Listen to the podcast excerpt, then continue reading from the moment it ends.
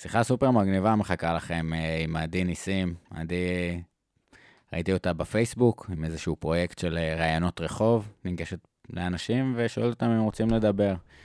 אה, וזה נורא נורא סקרן אותי, המקום הנורא הראשוני הזה של לגשת למישהו ולדבר איתו בלי להכיר אותו מראש. עם ה-85 שאלות, אני נתקל בזה הרבה בקושי הזה של השאלה הראשונה, בלגשת וליזום את הקשר, אז דיברנו קצת על זה. אה, דיברנו הרבה על הקשבה ואיך אנחנו, מה ההבדל בין הקשבה אמפתית להקשבה ביוגרפית. אה, נתנה לי עוד רעיון לפרק הקשבה מיוחד שנעשה בהמשך. דיברנו על אה, שאלות עם כוונה. בכלל, עדי מקסימה, אז יהיה לכם כיף. בנוסף, היא נותנת קורס בסמינר הקיבוצים, מרעיון לרעיון. אז בקבוצה של שאלה טובה, פודקאסט על שאלות עם אסף פאול כהן בפייסבוק, יש את כל הפרטים, יכולים גם לחפש אותה בפייסבוק. יאללה, תהנו מהשיחה.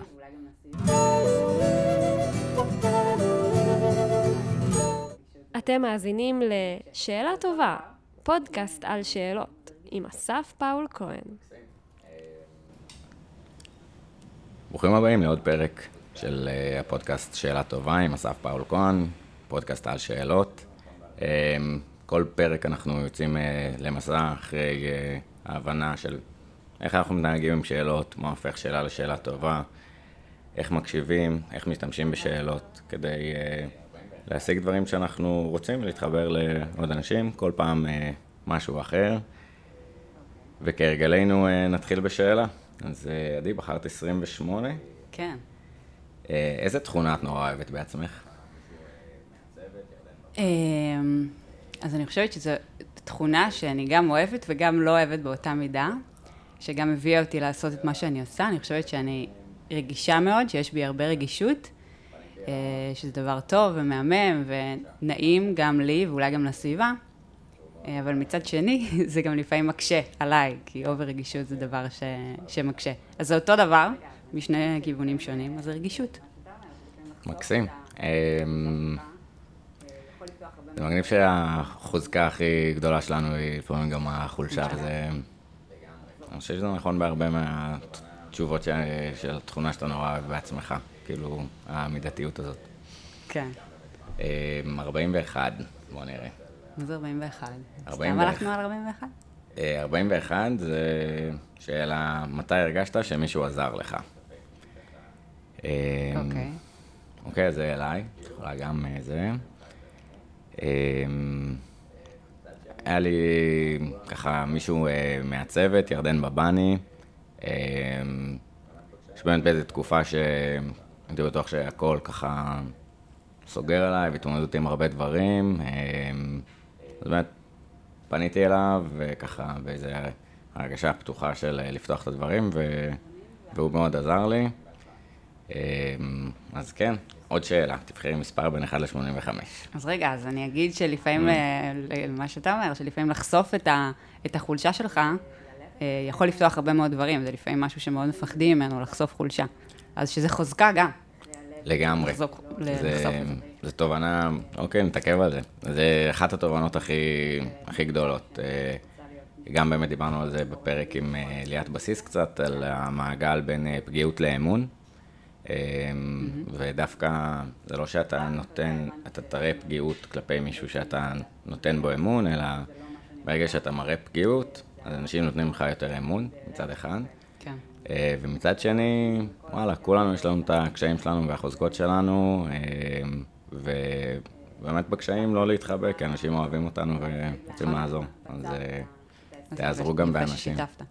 כן. אמ, אז אמ, תבחרי עוד מספר. עוד מספר. 81. 81. אמ, הישג שאת גאה בו. הישג שאני גאה בו... אה, ללכת אחרי מה שאני באמת רוצה. אה, אחרי הלב שלי ולא לפי מה שצריך. למדתי משפטים, ותמיד ידעתי שאני לא באמת רוצה להיות משפטנית ועורכת דין, ובכל זאת עשיתי את זה. הגעתי עד לשלב של ההתמחות, ו... אמ, רק אחריה הבנתי ש... זאת אומרת, הייתי, לא יודעת, גלויה מספיק להגיד שזה לא מה שאני רוצה. אה, וזה היה תהליך מאוד קשה להגיד, אה, רגע, אוקיי, אני... אחרי כל השנים וכל ההשקעה, אני לא עושה את זה, אני עושה משהו שאני באמת באמת רוצה, מתחילה מאפס. אה, אז דווקא אני שמחה על, ה... על ההישג, להניח בצד את, ה... את ההישגים ולהגיד, אוקיי, מי אמר שהישגים זה דרך שאנחנו צריכים ללכת בעקבותיה. זה... מגניב, באמת דיוק עצמי כזה קצת ולהתחבר לעצמנו, לעשות את הדברים לא מבחוץ אולי. כן, כן. 48. אמ, אמ, אה, אם היית יכול לשנות משהו אחד בדרך שבה גידלו אותך, מה זה היה? פוף. אמ, כן, אני חושב שנשים ככה יותר דגש על המשפחה כאיזשהו משהו יציב כזה, מקלטי כזה יותר. יש לי את הטענה תמיד שהם, שההורים שלי לא הכריחו אותי ללכת לביולוגיה אתגר ושעזבתי, ו... אה, וזה היה כאילו פעם התשובות שלי של למה לא התעקשתם שאני אלמד ביולוגיה, וזה היה פותח כן. לי את כל ה... אה, אבל באמת התובנה של אה, יאללה, בגרנו, לתת להורים קצת נחת. כן. שאלה טובה, טוב. לא נתתי תשובה טובה, אני צריך לחשוב על זה עוד. נתת שתי תשובות. נכון. לא סיפקו אותי. לא סיפקו אותך? תשובות אה, די משמעות, כאילו התשובה הראשונה לעניין הזה של המשפחתיות היא אה, תשובה די משמעותית, נראה לי, לא יודעת. כן. ניתן עוד חשיבה. עלה לך משהו? אה, כן, ברור. אני... חושבת, ההורים שלי הם אנשים מאוד רגישים ואוהבים, אבל אני חושבת שלפעמים היה להם קשה להראות את זה. אה, וגם גם אני היום אה, לוקה בדיוק באותו דבר. אני חושבת שלהראות יותר אהבה, להראות יותר רגש, להיות יותר, יותר פתוחים.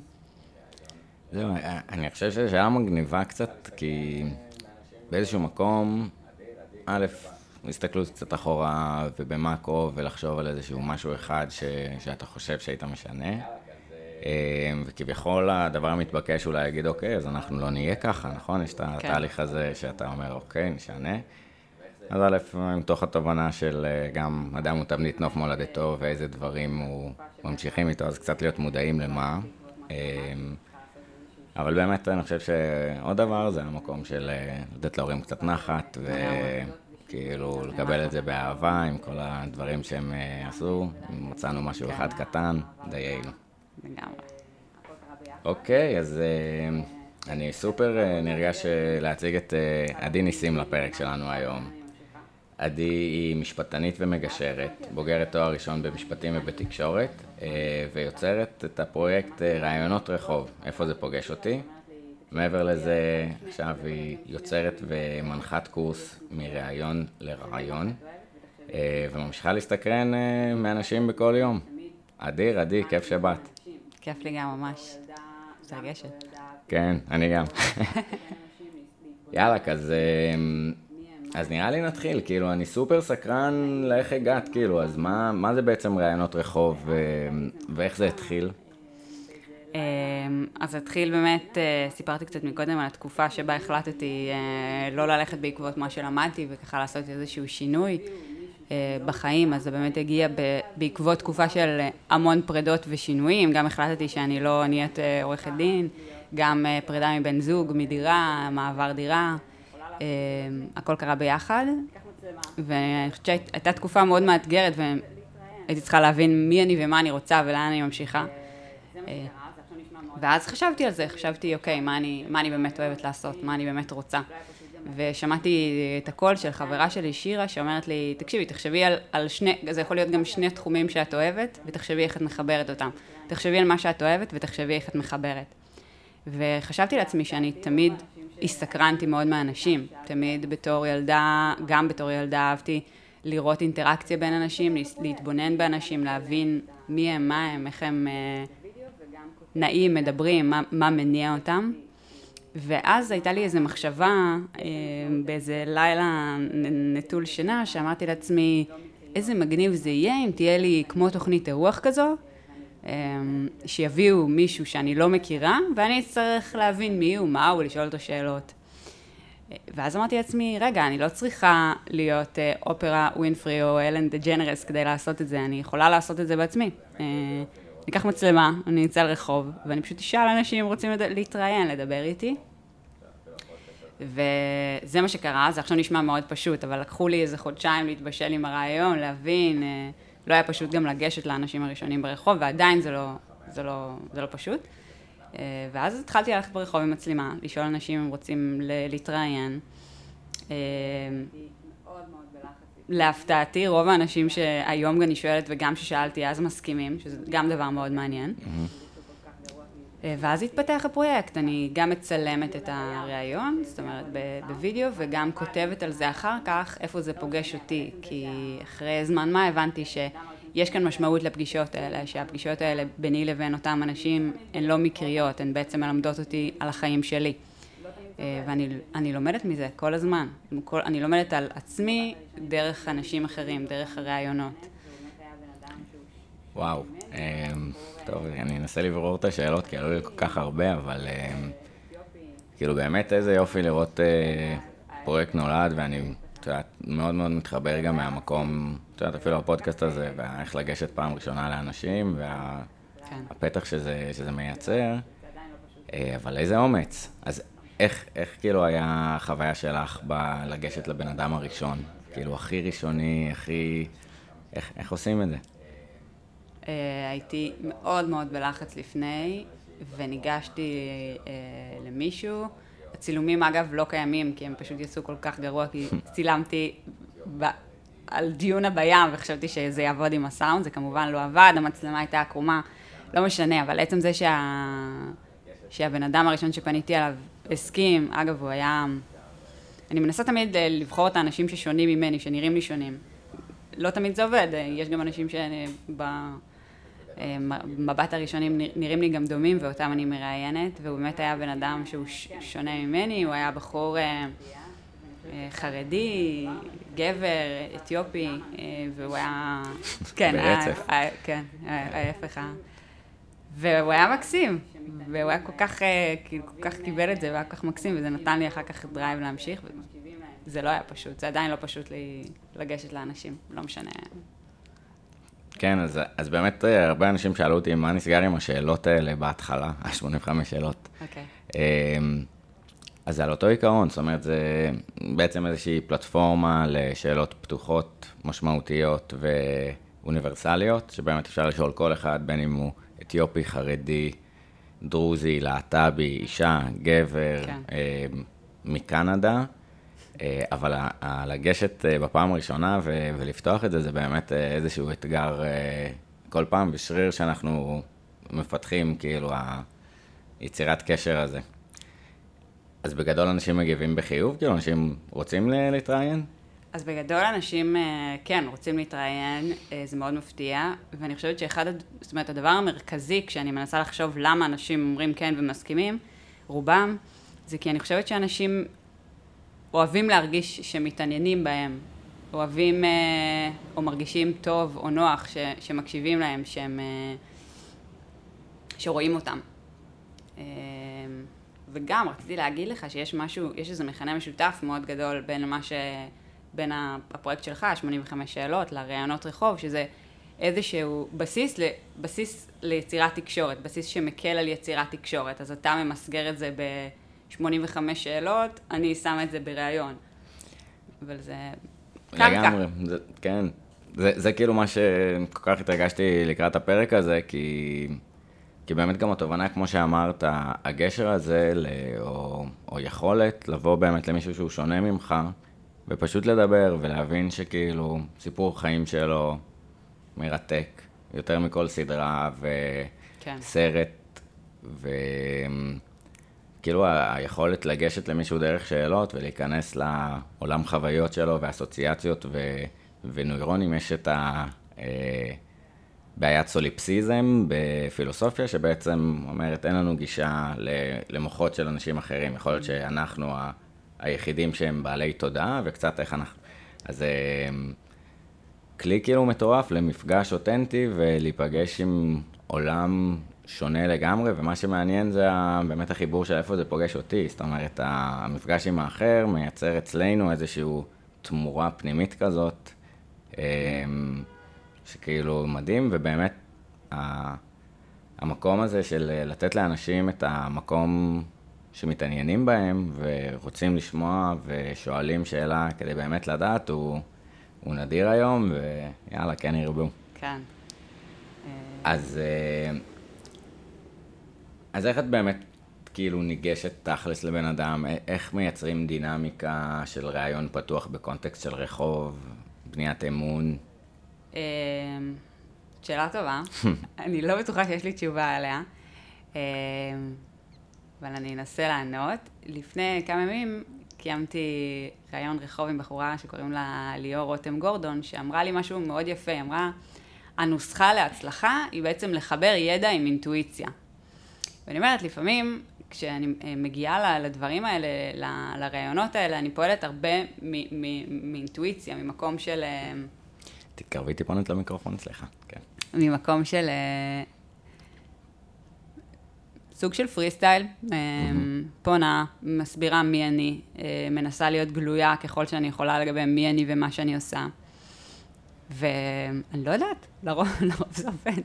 ואני שואלת שאלות, ולרוב אני מגיעה באמת לעומקים אה, ולחיים פרטיים של אנשים שהם לעומקים באמת משמעותיים. אה, וזה גם דבר שהפתיע אותי, אני מניחה. כן, זה... כן. אני שואל כי כאילו, בואנה, כן, לא, מה זה, זה מסתורי, כאילו, איזה קסם זה, ו- ונדיר יותר ויותר היום, החיבור הבין-אישי הזה, וגם אפילו במיוחד עם אנשים שאנחנו לא מכירים. זאת אומרת, כן. ה- היכולת... Uh, להסתכל למישהו בעיניים ו...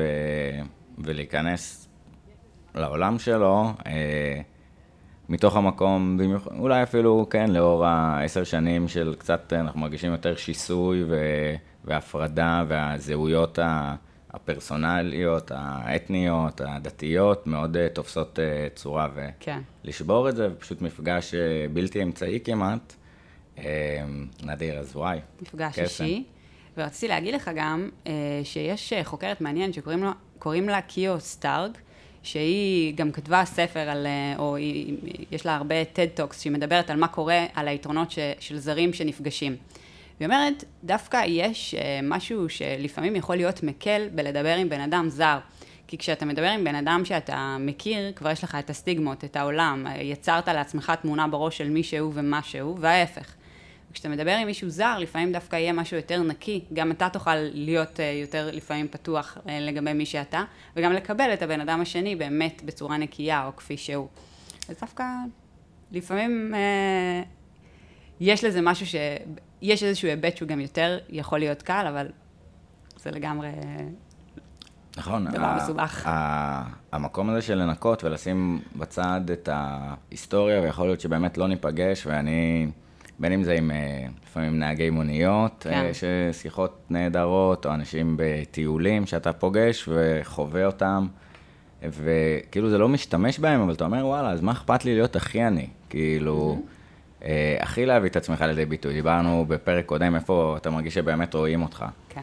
שזו שאלה קשה, וכאילו, נכון. אחת התובנות היא, וואלה, איפה שאתה מרשה לעצמך להיראות, אם קצת דיברנו גם על הפגיעות וזה, mm-hmm. אז... אז באותו הקשר, בתקופה שירדן בבני עזר לי, mm-hmm. היה איזה שינוי ככה, חדשות רעות, ואמרו שככה מצב מאוד הידרדר, בדיוק חזרתי מהבית חולים אחרי אה, כזה כמה לילות שם, הלכתי לים אה, להתפרק, לבכות קצת. אוי, חמוד. זה טוב. ואיזה מישהו, אה, דייג פלסטיני שעובד במסעדה ביפו, איכשהו ניגש אליי, יש לך אש, זה, ובום, שיחה של כאילו שעה שבסופה אמרתי, יאללה, אני חוזר ונלחם על הבן אדם שאני עכשיו אה, הולך לעזור לו. אבל באמת תובנות על החיים שלי ממפגש כזה שהוא הכי פתוח ומוזר, ו... אה, ובאמת מייצר איזשהו משהו חסר עכבות. חיבור. כן. מגניב. כן, לפעמים יש המון מפגשים אקראיים, ורק אם אנחנו פתוחים לזה, כמו שאתה מספר, אה, שבאותה סיטואציה היית פתוח אה, להקשיב ולקחת. אנחנו באים לזה ופתוחים לזה ומנסים לראות, מרגישים באמת מה קורה במפגש ולא מתייחסים אליו כחסר משמעות, אז אפשר לקבל באמת הרבה משמעות, כמו שאתה מספר. מגניב, זה ראיתי שזה גם אפילו השאלה שרציתי לשאול. זה אחלה. אמ, אז, אז כאילו אולי קצת אה, מעניין אותי לשאול, א', ככה סדר גודל של אה, כמות ראיונות שיצא לך אה, לעשות, מה, מה ככה הלמידה המצטברת שלך מה, מהחוויה העצומה הזאת? אוקיי. אמ, אז אני אתחיל, אני מראיינת off אה, משהו כמו שנתיים, אני חושבת שבמצטבר עשיתי משהו כמו 20 ראיונות, גם בארץ וגם בחו"ל. אמ, כשאני מטיילת אני ממש אוהבת את זה, כי ככה אני גם מכירה אנשים חדשים. ואני מרגישה שבאמת למדתי, למדתי הרבה על ה... בשנתיים האחרונות. עכשיו, נתחיל ונגיד שאני אמנם בן אדם שאני אוהבת אנשים, אני מסתקרנת אנשים, אבל לא קל לי בסיטואציות חברתיות. כלומר, אני לא, אה, לא קל לי לפעמים לפנות לאנשים או לדבר עם אנשים, האינטר... זאת אומרת, אני... יש פה משהו שגם אה, חיזק אצלי, התהליך הזה של הראיונות אה, בשנתיים האחרונות, חיזק אצלי המון יכולות תקשורת, גם ביני לבין עצמי וגם אה, יכולות תקשורת סביבתיות, שאני חושבת שרציתי לחזק. ואני חושבת שזה באמת בעיקר מה שלמדתי, על איך אני מול הסביבה, איך אני מתקשרת עם עצמי, איך אני מתקשרת עם הסביבה. ואני חושבת שאחד הדברים הנוספים והמעניינים שלמדתי, זה שלמדתי איך אני יכולה ללמוד על עצמי דרך אנשים אחרים. אה, איפה זה פוגש אותי, החלק הזה. איך אני, באיזה טכניקה אני משתמשת אה, כדי ללמוד על עצמי מהמפגשים האלה, מהראיונות. ואני חושבת שהכלים האלה, גם של התקשורת וגם של הלמידה או ההתפתחות עצמית, הם כלים שאני משתמשת בהם היום גם בחיים שלי, בלי שום קשר לראיונות. וזה סוג של צמיחה, ככה אני מרגישה, ברמה האישית. מדהים. speechless. זה, זה כאילו אותי זרק למקום, כאילו באיזשהו מקום ב, בטיפול פסיכולוגי, שזה גם קצת דומה. שואלים שאלות על החיים שלך ומאיפה הגעת וזה, אבל נורא מזהירים, והמטפל עובד על עצמו על counter transference, על כאילו, אה, המטופל מעלה תכנים, ואוטומטית זה מעלה במטופל, במטפל אה, תכנים. הוא צריך אה, להכיל אותם, להכיר את עצמו, כדי לדעת לא לערב את זה לטיפול.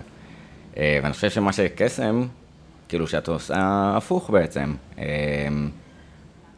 חושבת על איפה זה פוגש אותך ומה זה משנה בך, וגם, אוקיי, אז אני אשאל, אולי יותר במקום להניח הנחה, אה, את מביאה את זה גם ברעיונות? זאת אומרת, אה, זה מזכיר לי ככה וככה, או אצלי זה ככה וככה, זה יותר שיח כזה מתפתח באיזה שלב, זה נשאר ברעיון, איך זה עובד? אז זה מעניין, ואני אני לא לגמרי יודעת אם אני יכולה אה, למסגר את זה. אבל אני יכולה להגיד לך שברמה של, אה, ברמה של סוגי הקשבה, כשאני בריאיון, אני מנסה שההקשבה תהיה הקשבה אמפתית. כלומר, שתהיה הקשבה מתוך מקום אה, נקי, מתוך הנעליים או זווית הראייה של הבן אדם שיושב מולי. ולא לעשות את זה בהקשבה שנקראת הקשבה ביוגרפית, שזה תמיד ה... איך אני מקשיבה עדי בעיניים שלי, אה, זה מזכיר לי את זה, פעם הייתי שם, גם אני הייתי בסיני, ללכת למקומות האלה.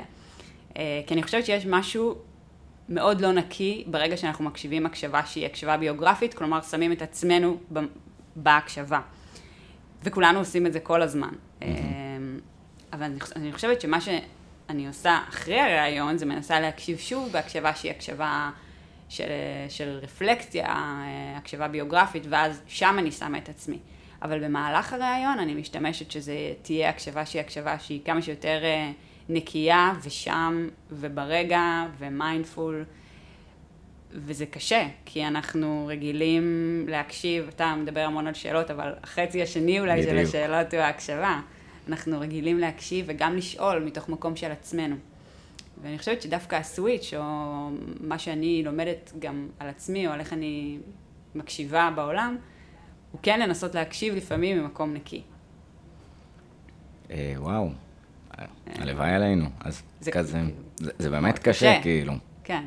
אמ, ובאמת הצד של הקשבה זה הצד השני של המטבע, נכון? בפרקים הראשונים אה, אנחנו מתרכזים בצד של השאלות, וככה ספוילר להמשך, אה, כנראה אה, נביא איזשהו מישהו שחוקר הקשבה, באמת להבין את הצד השני.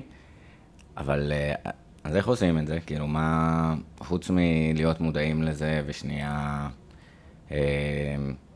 לנסות להיכנס ל- לראש של הבן אדם השני או להקשיב ולהיות בשבילו, מה, מה יכול לעזור לנו להיות בהקשבה אמפתית? אמ, זו גם שאלה ממש טובה. אני חושבת שלנסות להרגיש את הבן אדם שאותו אנחנו שואלים את השאלה, ולנסות uh, להיות שם ולהקשיב באמת, וכשאנחנו מקשיבים, להיות מודעים, אולי המפתח הוא מודעות, כלומר להיות מודעים למה שאנחנו חושבים ומרגישים כשמישהו עונה לנו תשובה. ואם אנחנו שמים לב שהמחשבות שלנו um, מקשרות או מקפיצות אותנו לזיכרונות או לשיפוטיות, אז אנחנו כנראה לא בהקשבה אמפתית, אנחנו כנראה בהקשבה שהיא הקשבה מתוך עצמנו, בהקשבה ביוגרפית. אבל אם אנחנו שם ואנחנו באמת מקשיבים ואנחנו מנסים, לא יודעת, לטהר את המוח במחשבות ובאמת באמת להקשיב ולהרגיש את הבן אדם שמולנו, אז כנראה שאנחנו בכיוון הנכון. אין לזה מפתח, אה, אין לזה סוד, כי זה משהו שהוא באמת, אה, אנחנו מורגלים, אנחנו מקשיבים, אנחנו רואים את העולם מתוך מקום שהוא מתוך עצמנו, אז אה, לבוא ואתה יודע, לנסות להקשיב בהקשבה אמפתית, מנותקת לחלוטין ממי שאנחנו, מאוד קשה. אני מניחה שהעולם הפסיכולוגי יש הרבה, בעולם של הפסיכולוגיה יש הרבה מה להגיד על זה. אמ, כן, אני, שוב, באמת, כמו שאמרת, זה איזושהי... קשה לכמת את זה לאיזשהו סוד, אבל אני אגיד אולי איזה שני דברים ש, שלי באיזשהו מקום עוזרים. אמ, אחד זה יש כאילו את החשיבה של מדיטציה, שמנתקת באיזשהו מקום את העצמי מ, מרצף התודעה. וההתבוננות החיצונית הזאת על, אה, על רצף המחשבות מאפשר דיסוציאציה, איזשהו ניתוק בין אני למחשבות. כן. אמ, ובאמת, בהקשר של מה שאת אמרת, אה, להבין, אוקיי, אז זה עלה לי שנייה מה השאלה הבאה שאני רוצה לשאול, או זה הזכיר לי את הסיפור הנורא מעניין שיש לי לספר, אבל אוקיי, אני שם את עצמי בצד. אמ, ועוד תובנה שאני אומר, כאילו, אולי יותר ברמה השכלית, אה, של וואלה, אני פחות או יותר מכיר את הסיפורים שלי, mm-hmm. ומכיר את הרצף המחשבות שלי, ופה יש לי הזדמנות להבין ולהכיר מישהו אחר בצורה טוטאלית, וחבל לבזבז את זה. זאת אומרת, דיברנו ברעיונות, נגיד רעיונות עבודה, אז יש את המפתח של 80-20. זאת אומרת, תשאל שאלות כמה שיותר קצרות כדי לא לתפוס זמן אוויר. אמ, אז לגמרי במקום הזה. עוד פעם אני אזכיר ואני אשים גם את הלינק הפעם, יש אה, פרק נורא מגניב ב... אה, Comedians in a car getting coffee, אה, שבחורצ'יק שואל את סיינפלד פתאום שאלה של איפה אתה מרגיש הכי אהוב בחיים שלך. רואים ככה את העיניים שלו נפתחות והגלגלים רצים, שזה רגע אדיר, שאתה יודע ששאלת שאלה טובה. כן. והוא אומר שאני עם המשפחה ושאני זה, והשני באמת קופץ לו ואומר לו, וואי, אצלי זה ככה וככה, והקטע שרק שלושה אנשים קוראים לי אבא וכולם מכירים אותי, מאוד מרגש, וכאילו בסוף הם מתחברים ואומרים, וואי, אני עוד שנייה בוכה, אבל לפני זה סיינפלד אומר, רגע, מה, מה אתה קופץ? זה שנייה עליי, כאילו, אני... אז ה... המקום שגם מתחבר לזה שאנשים אוהבים שמתעניינים בהם, אה, כן. ובאמת לפנות לאנשים ולשאול אותם, אבל באמת אז לשאול. כן, אה, לשאול עם כוונה. אני... זהו, אה, זה גם אה, רציתי לשאול, מה זה אומר לשאול עם כוונה? זאת אומרת, אין לך בעצם אה, שום הכנה על מי שאת הולכת לראיין, נכון? כאילו, נכון. פוגשת ברחוב, רואה אולי קצת סטריאוטיפים, המוח משלים איזשהו סיפור, ואז כמו איזה שרלוק הולמס, או, או לא שרלוק הולמס, פשוט להקשיב ולגלות את הסיפור האותנטי, אז... אז איך שואלים, כאילו, ומה זה שאלה עם כוונה? אמ, אז באמת, כשאני מנסה, או ניסיתי לחשוב על אה, איך שואלים מתוך מקום, איך שואלים שאלה טובה, mm-hmm. ומקבלים תשובה טובה. אז ניסיתי להבין מתי אנשים עונים תשובה שהיא באמת תשובה טובה ואמיתית, ומתי לא. ואז אמרתי, עשיתי ניסיונות עם עצמי, והבנתי שמתי שאני שואלת באמת עם כוונה, ותכף אני אסביר בדיוק למה אני מתכוונת, אני מקבלת תשובה אמיתית ועם כוונה. אני חושבת שבחיים שלנו אנחנו שואלים המון שאלות. אנחנו מתהלכים בעולם, אנחנו מנהלים אינטראקציות ואנחנו שואלים המון שאלות. מה קורה, מה העניינים, מה אכלת, מה את עושה היום, מה שלומך? והרבה מאוד מהשאלות שאנחנו שואלים, אנחנו שואלים אה, בלי אה, מטרה או בלי ציפייה בכלל לקבל תשובה. אה, כשאתה מדבר בטלפון, אז הרבה פעמים יש את השיחה ההתחלתית הזאת של, היי, מה העניינים? טוב, מה קורה? אין, אין, לפעמים אין באמת את המקום הזה של לקבל באמת אה, תשובה אמיתית. אז אני חושבת שמה שעוזר לי זה באמת לשאול שאלה ולהרגיש בפנים, אם אנחנו מדברים על אה, היבט של, אה, לא יודעת, קצת יותר רוחני, של מדיטציה או מיינדפולנס, אז בהיבט היותר אה, רוחני, התחושה שאני שואלת שאלה ואני באמת באמת מתכוונת למה ששאלתי. אני לא שואלת אותה לשם שאלת השאלות, אני שואלת כי אכפת לי ואני שואלת כי אני באמת רוצה לקבל תשובה אמיתית. אני חושב שזה מדהים, כאילו, וזה אולי ככה גם למורים ש, ששומעים את הפרק הזה שאולי לקח לקחת. אה, אני מכיר את זה משאלה אותנטית, אבל באמת המקום של לא לדעת את התשובה, mm-hmm. ולתת את הכדור לצד השני לחקירה משותפת, אולי יש לו את התשובה, אולי יש לו עוד שאלה, אבל בכל אופן הזווית שלו היא מעניינת. אה, וזה שונה לגמרי אם אתה שואל... אה, אה, מה היו חמשת הסיבות לפרוץ מלחמת העולם הראשונה, mm-hmm. אוקיי? יש את הרשימה, מה שכתוב בספר, אה, ותשובה אחרת, כאילו, שאלה אחרת, מה לדעתך הסיבה המרכזית אה, לפרוץ מלחמת העולם ה... אז גם אולי זה, זה משהו אחר מרק שאלה אותנטית, אבל uh, המקום לסובייקטיב, mm-hmm. אה, לסובייקט בשאלה הזאת, מה, מה הדעה שלך, mm-hmm. העולם הפנימי שלו, ההשוואות שלו יכולות לבוא לידי ביטוי, שזה אדיר, ועוד יותר, כאילו, אם יש שאלה שבאמת אנחנו לא יודעים עד הסוף ורוצים לפתוח את זה ביחד עם הכיתה, עם הבן אדם, אה, זה מייצר משהו אחר, מוריד את הפייק, כאילו. לגמרי, ואני חושבת שזה גם מאוד נכון שאתה מתייחס לזה בהיבט של בתי ספר. כי יש המון גם, אה, יש חשיבות לשאלת שאלות, אז גם בבתי ספר, כי זה מפתח את הסקרנות של, אה, של הלומדים. אה, וכן, אנחנו באמת רואים דפוס שאולי הוא בא לידי ביטוי, אני לא יודעת, יותר בבתי ספר, שהשאלות שנשאלות הן לא שאלות שמעוררות באמת חשיבה, אלא הן by the book. ואז אתה מנתק את ה... כמו שאתה אומר, אתה מנתק את האני, או את היכולת שלך להפעיל את המחשבה, או ספקולציה בתוך הדבר הזה. אז יאללה, בוא נשאל קצת יותר שאלות אותנטיות, מגניב. כן. אמ, עם כוונה. עם כוונה.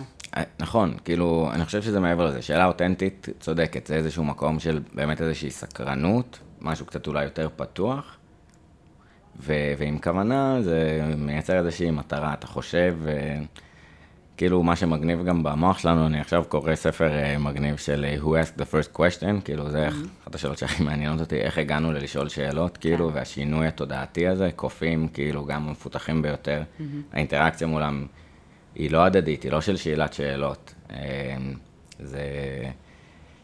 ולאן רציתי לקחת את זה? אז, אז, אז הקטע ש, שהמוח הקדמי שלנו התפתח, prefrontal cortex וכל זה, מאפשר לנו איזושהי השעיה בין האינסטינקט שלנו לפעולה. ולקחת את התובנה הזאת גם ל, לדרך שבה אנחנו שואלים שאלה, זאת אומרת שזה לא משהו שקל לנו ואנחנו עושים בצורה אינסטינקטיבית, אלא שנייה לחשוב, כאילו אם אני מנסח את זה אפילו כשאלה סגורה, היה לך יום טוב או שהיה לך יום על הפנים? Mm-hmm. אולי פשוט לשאול... כזה איך היה היום שלך, או מה... לגמרי.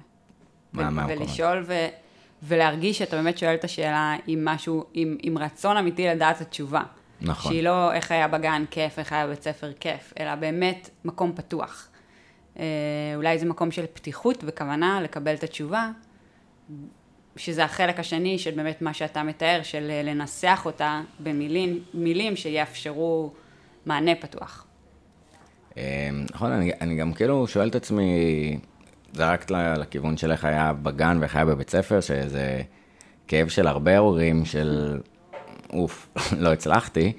אמ, אני חושב שאולי באיזשהו מקום גם דוגמה אישית אה, נכנסת פה, כי אנחנו מלמדים את הילדים הכל, הם כאילו באיזשהו מקום אה, הדמות שלנו, אבל אה, אנחנו לא כל כך מלמדים אותם איך לענות כאילו על שאלות בצורה, זה, אז ספר איך היה בעבודה, ואז אחרי שאתה עושה איזשהו modeling, אולי יהיה לו יותר קל להיזכר במה היה בגן, ולא רק אה, לפתור אותנו בכיף ותניח לנו.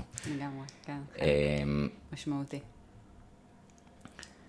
אז, אז בתוך החוויה שלך ב, בריאיון, אמ, יש שאלות בטח שהן אה, יותר טובות ופחות טובות.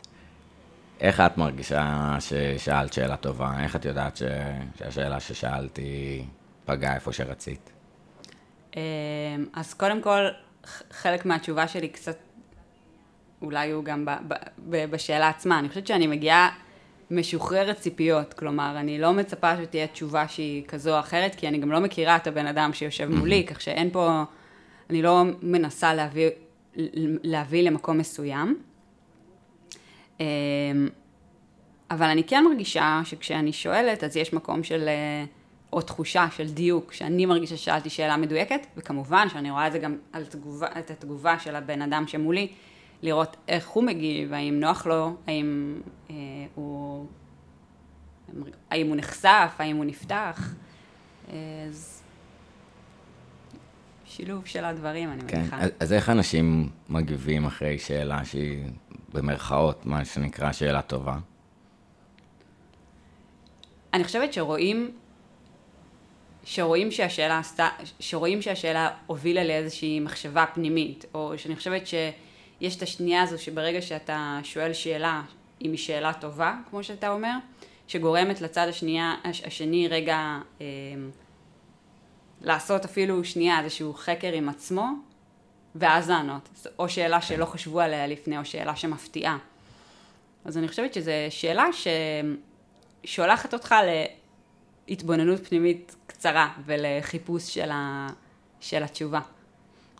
מדהים, אני, אני מסכים, זו החוויה, אני מראיין בגיבושים לסיירת צנחנים, מגלן, אה, חאן, עורב, דובדבן, אה, ובאמת החוויה הזאת של אה, להצליח להכניס בן אדם לעולם הפנימי שנייה, וכל השאר הופך למין איזשהו עומס קוגניטיבי, הוא לא יכול לנהל את השיח תוך כדי ולחשוב, אלא באמת איזושהי התכנסות.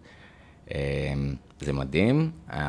הצד השני, אולי זה פחות בהקשבה, אלא יותר בהכלה של השקט הזה. אה, עם איזשהו כלי אולי שאנחנו יכולים לתת פה. אה, כי כאילו ברדיו במיוחד אומרים, השקט הוא האויב הכי גדול, אה, ואני חושב שזה אחד המתנות הכי גדולות. גם להיות שנייה עם מישהו בשקט ובחשיבה ולאפשר לו את זה, ולפעמים, נגיד השאלה של אה, איפה אתה מרגיש שרואים אותך, היה לי חוויה עם מישהו של באזור החצי דקה, דקה של שקט, ושהוא במחשבות עם עצמו. אה, ואנחנו נורא מרגישים צורך לעזור במצוקה הזאת, אבל לפעמים זה אה, מצוקה, כאילו הקלה רגעית כזאת. אז, אז פה באמת, ככה עוד איבדנו את זה, נתתי לו עוד כמה שאלות להעביר את הזה, כי זו שאלה אה, קצת קשה, אבל אה, לשהות בשקט הזה, לאפשר את ההסתכלות הפנימית כדי לייצר את התשובה גם האותנטית והחדשה. אה, וזה במיוחד, יש גם מחקרים בבתי ספר שמראים שמורים לא עושים את זה מספיק. זאת אומרת, אה, השהייה רגע למחשבה. כאילו, אנחנו נורא במרוץ, אבל וואי, זה הזמן של החשיבה הכי אינטנסיבית והכי מגניבה, אז כאילו, לתת לזה אולי קצת מקום. לחלוטין, ואני יכולה להגיד לך שיש לי הרבה מה להגיד על שקט בדיוק מה, מה, מהמקומות האלה והלמידה מהרעיונות. אז דבר אחד שהוא לא קשור לרעיונות, שאני מרגישה אותו בעולם שלנו, בחברה המודרנית, אה, שאין אין, הרבה מקום לשקט. כלומר, שאנשים שואלים שאלות, או נשים לב לזה אולי הרבה במסגרות של עבודה, אני מרגישה שלפעמים יש אה, משהו מאוד... אה, כמו שאתה אומר, נלחץ, נלחץ, שאנשים נלחצים משקט, או שלא מאפשרים את השקט הזה, או ששואלים שאלה וישר חושבים על התשובה שהם רוצים להגיד, אה, אה, לענות, או על התשובה שהם היו עונים.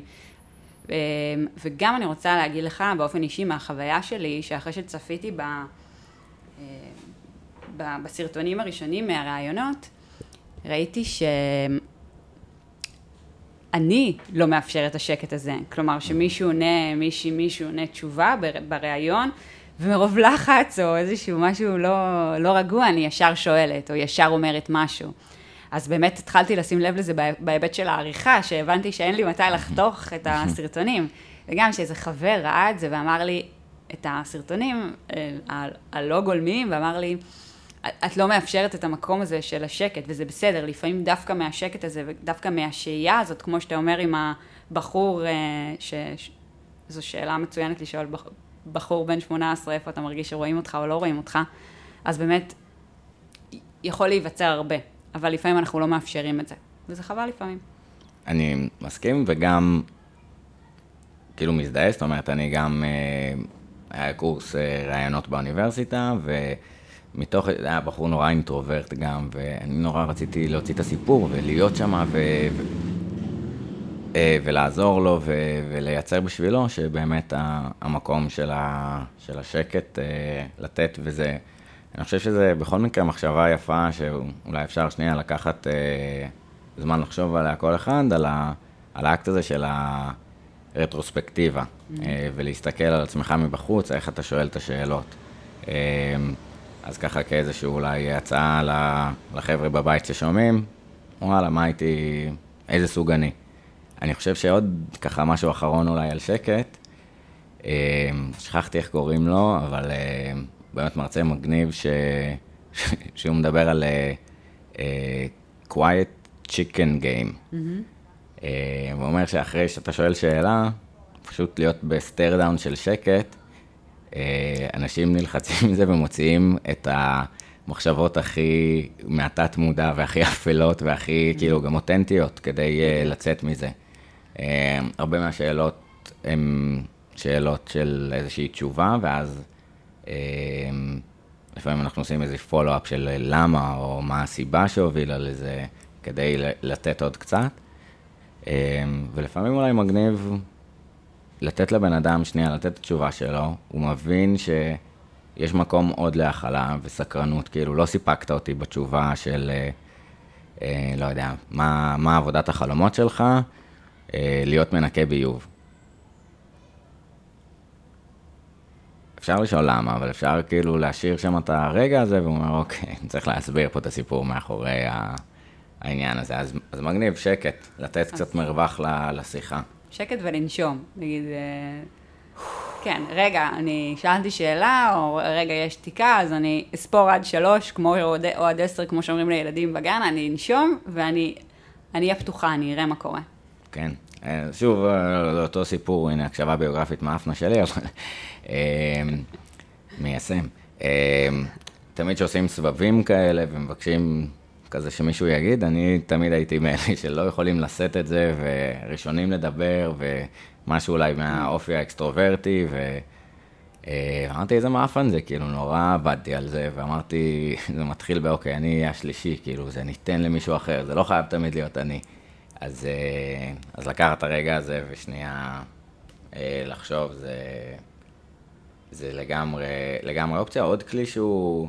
שמעניין לדבר עליו קצת, אה, זה שיקוף אולי. Mm-hmm. זאת אומרת, איך אנחנו מראים הקשבה.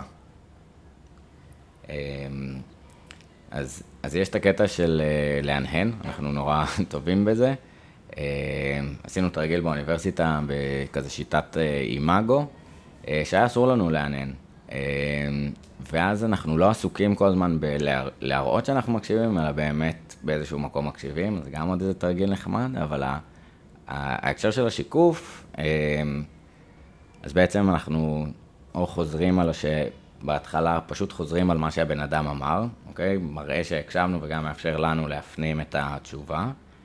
אה, ובשלבים יותר אה, מתקדמים קצת, אז אפשר אה, להוסיף, כאילו, א', לשאול האם שמעתי אותך נכון, כאילו האם לזה הייתה הכוונה, וזה מייצר הרבה פעמים עוד איזשהו דיוק או עוד איזושהי כוונה. ואז שלב נוסף שאפשר uh, להוסיף על זה, זה איזשהו uh, תהליך uh, של uh, uh, הש, השערת השרה, uh, השערה. זאת אומרת, uh, אמרת ככה וככה, אותי זה שלח לה, למקומות האלה והאלה, האם לזה התכוונת, האם זה משהו שהוא רלוונטי, וזה באמת מהדהד ושם על, על, על השולחן באיזשהו מקום את ה... כן, אנחנו שני מוחות אחרים, אני, זו הייתה החוויה ש, שהבנתי מהתשובה שלך, בוא נתקדם משם. אמ, יוצא לך להשתמש בכאילו תהליכי שיקוף או מכיוון שלך? אה, אז כן, ברור. אה, זה גם כלי שנגיד בקורס גישור יצא לי, מגשרים המון משתמשים בו אה, בשיקוף. אז קודם כל, אהבתי שבנית את זה בשלבים, כי זה באמת משהו שהוא מורכב משלבים, והתחלת ושאלת מה גורם לאנשים אחרים לראות שהצד השני מקשיב. אז אולי על זה באמת אני יכולה להגיד שבעיניי המפתח הראשון והבסיסי לשיקוף הוא פשוט באמת להקשיב, כי mm-hmm. אני יכולה לא להקשיב ולענן ממש יפה ולהגיד לך כן, כן, אוקיי, אוקיי, אבל לא באמת להיות שם. אז אולי באמת הדבר הראשון הוא, הוא, באמת, הוא באמת להקשיב, וגם אני חושבת שמה שהופך שיחה או ראיון ליותר מוצלחים זה ש... אני, אני, זה שזה חלק מהשיקוף, או גורם לתחושה יותר טובה לצד השני, הוא באמת באמת להתייחס למה שנאמר, כי אני חושבת שדברים שנאמרים uh, בשיחה, הם לא סתם, הם לא סתם עולים לאוויר, הם לא סתם נזרקים, אז תמיד, אני חושבת שחלק משיקוף זה להשתמש בהם. Uh, אם נזרקו uh, מילים לאוויר ואם היה איזשהו חלק משיחה, אז כן, להשתמש בו. ופשוט באמת להיות שם, לא לנסות להראות שאנחנו מקשיבים, אלא פשוט באמת, באמת להקשיב. ואז זה לא משנה, כמו שאתה אומר, אם הנהנת, לא הנהנת, אם uh, דיברת, ב, אם השפת גוף, גוף שלך הייתה כך או כזאת, אלא זה באמת יעבוד.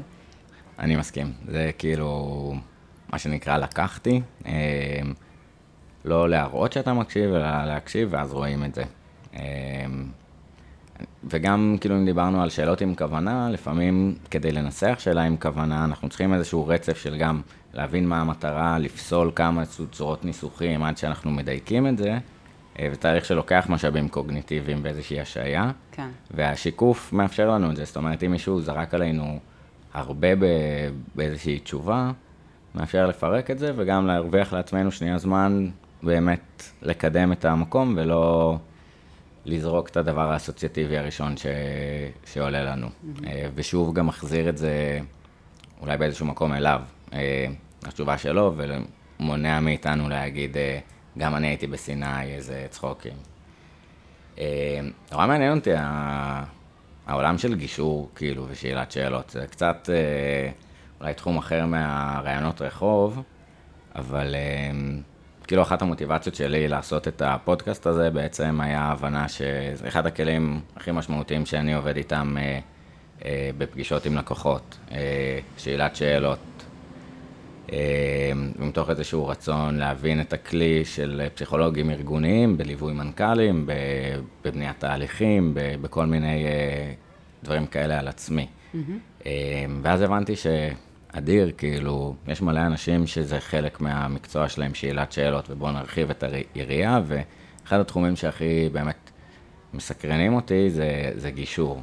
אה, כי... באיזשהו מקום, אולי שוב אני אציג את התפיסה התמימה שלי ותתני אה, ככה איזה שהם דיוקים אה, ואיך זה באמת ולא רק במוח הקודח שלי, אבל אה, יש משהו בבחירה של שאלה של מגשר ששמה את השיח מחוץ לריב הפנימי אה, ומחוץ למקום הפרסונלי מאשים, אלא דיון אולי באיזושהי שאלה חיצונית שאפשר להתייחס אליה, איזשהו אובייקט ששלושת האנשים בחדר או כמה שיש, אה, מתייחסים אליו. אז זה כאילו איזושהי מחשבה שאולי, אני חשבתי שאולי מגשרים אה, נתקלים בה, אבל בכלל נפתח את זה קצת, כן. אז, אז זה נכון מה שאתה אומר, כי באמת ה... כשמגשרים נמצאים בחדר עם שני צדדים, באמת צריכים לשאול שאלות שהם יהיו, אה, שהם יהיו באמצע, או לפעמים שהם ימצאו איזשהו, אה, אני לא יודעת אם ימצאו איזשהו מכנה משותף, אבל אני חושבת שאולי מהניסיון שלי, המקום היה, כדי לשאול את השאלה הנכונה, היא להביא, לעשות איזושהי משוואה או נוסחה.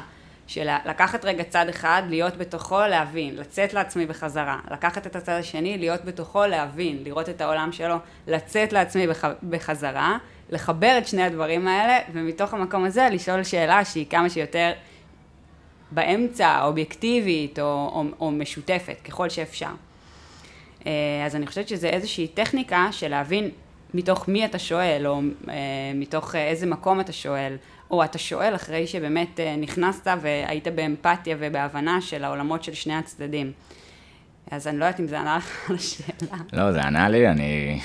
גם מה שאני ממש מבסוט מהפרק הזה, אה, כאילו הרבה פעמים שאלה טובה או מפגש טוב, אה, מייצר שאלות המשך. אז אה, אחד כאילו שם לי עוד יותר דגש, וואלה, צריך להקדיש פה פרק שלם למגשר ו- ולהבין כן. את הצד הזה, ו- ובאמת הקשבה שאנחנו במגעים עם ככה חוקר הקשבה שאדיר, כאילו המקום הזה שהוא, שהוא שיח פותח ולא שיח סוגר, אז לגמרי מתנות שאני אקח, ו... וממש אדיר. אני כאילו, נגענו קצת במקום הזה של, של הקורס מראיון לראיון, שזה בעצם איזשהו קורס שנולד מתוך החוויה שלך מהראיונות רחוב. נכון.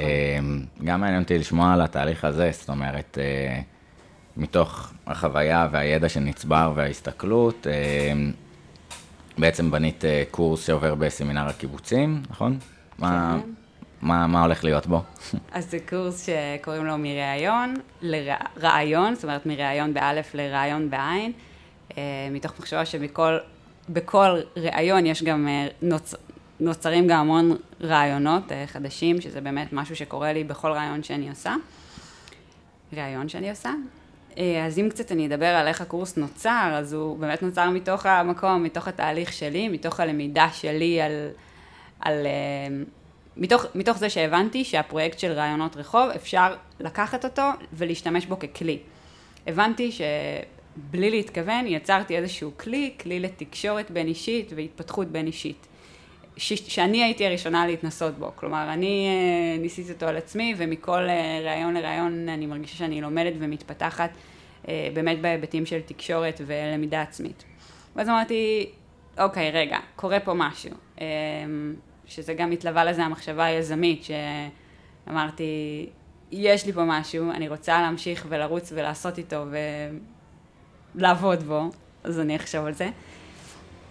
אז באמת, אה, הקורס הוא קורס של, אה, הוא קורס אינטראקטיבי וחווייתי של אה, תקשורת והתפתחות בין אישית, שפשוט עושים אותו ולומדים אותו דרך מסע של ראיונות. אז לומדים על כלים של תקשורת בין אישית, כמו הקשבה, שאלת שאלות, רפלקציה, ובאמת ההיבט של ההתפתחות, ההתפתחות האישית, שזה הלמידה, איך, איפה זה, החלק של איפה זה פוגש אותי. אז באמת לומדים איך, לומדים איך ללמוד מאנשים אחרים, ולומדים איך לתקשר עם עצמנו ועם הסביבה. אז זה קורס שהולך להיות בסמינר הקיבוצים, בשיתוף עם המכון ללימודי שטח, זה קורס שפתוח לכולם, הוא שבעה מפגשים, הוא בימי שישי, הוא, הוא מסע, הוא מסע של, של ראיונות, הוא חווייתי, הוא מתרגלים, יוצאים, מראיינים אנשים ברחוב, יוצאים לרחוב, כדי, הרבה פעמים אני, אני חושבת על זה, אני מסתכלת על זה, וגם אחד המרואיינים האמת אמר לי ש... יצאתי אל הרחוב כדי לחזור, כדי לחזור הביתה. אמ, אז... מגניב. וואי, כן. זו הזמנה מגניבה למסע, אז באמת מי שמתחבר, אה, אנחנו נשים את הלינקים כמובן ואת כל הפרטים אה, לקשר עם עדי, גם אה, נפתח שאלות ככה, דברים שלא עלו בפרק והייתם רוצים עוד לשמוע את עדי, אז היא תהיה בפורום, יש קבוצה סגורה בינתיים של... אה, פודקאסט שאלה טובה עם אסף פאול כהן בפייסבוק, מוזמנים להצטרף, אה, להשפיע על הפרקים, לשאול שאלות אה, וכיוצא בזה, אז באמת כל הפרקים על הפרטים על הקורס יהיו שם. למי זה מתאים? כאילו, מי... מי... אז זו שאלה טובה, mm-hmm. וזה מעניין. באמת התחלתי לכתוב למי זה מתאים, אז אמרתי, זה נורא מעניין, כי זה מתאים גם לאנשים שממש אוהבים אנשים, ועפים על אנשים ויושבים ליד אנשים, ב, אתה יודע, מהאנשים האלה שיושבים ליד אנשים במטוס וכבר מכירים אותם ונהיים החברים הכי טובים שלהם, לבין אה, אנשים אה, שמפחדים מאינטראקציות חברתיות, שאני אגב אה, די ביניהם, לבין מורים, מטפלים, שרוצים להעמיק את ה... מורים זה אחד, שרוצים להעמיק את התקשורת הבין-אישית, או או לקחת כלים ל- ללמד ולהשתמש לתלמידים, או למטפלים שרוצים להכיר כלי חדש, ומעניין אותם גם לחקור על עצמם. לכל מי שחושב שהקשר שלו עם אנשים זה דבר חשוב, ולכל מי שאוהב ללמוד ולחקור. אדיר. לכולם. יאללה, טוב. אה, וואו, מדהים. אה, גם עוד משהו שעלה לי, מ- מדהים, מה? כל הפרויקט הזה. וכאילו, כאילו- אני אומר, זה סתם ככה להתחיל לקשור את הסוגריים ואת ה- את התהליך הזה של אה, בעצם יציאה אל העולם דרך, אה, דרך שאלות. יש... אה, אולי נשים את זה בסוף הפרק או לינק, שיר של אביתר ברנוביץ', שמדבר על איך העולם ייפתח אליי, אם אני לא אפתח אליו. Mm-hmm. והמקום הזה של שנייה, זה מה שאני אוהב לעשות, ולצאת ו- ולבחון את הרעיון, להרגיש כאילו מתוך באמת חיבור אישי שלך וערך של זה משהו שאני אוהבת לעשות וללכת על זה. אה, אמרת אה, מתוך המקום היזמי של אוקיי, איך, אה, איך אני לוקחת את זה קדימה, אז אני חושב שיזם טוב הרבה פעמים הוא מוצא איזשהו כאב או איזשהו ערך שהוא יכול, או כאב שהוא יכול לענות עליו או ערך שהוא יכול להביא, ומתוכו, סבבה, אפשר להיכנס באמת לאיך זה יוצא מרעיון לשטח, אולי הפוך מרעיון לרעיון.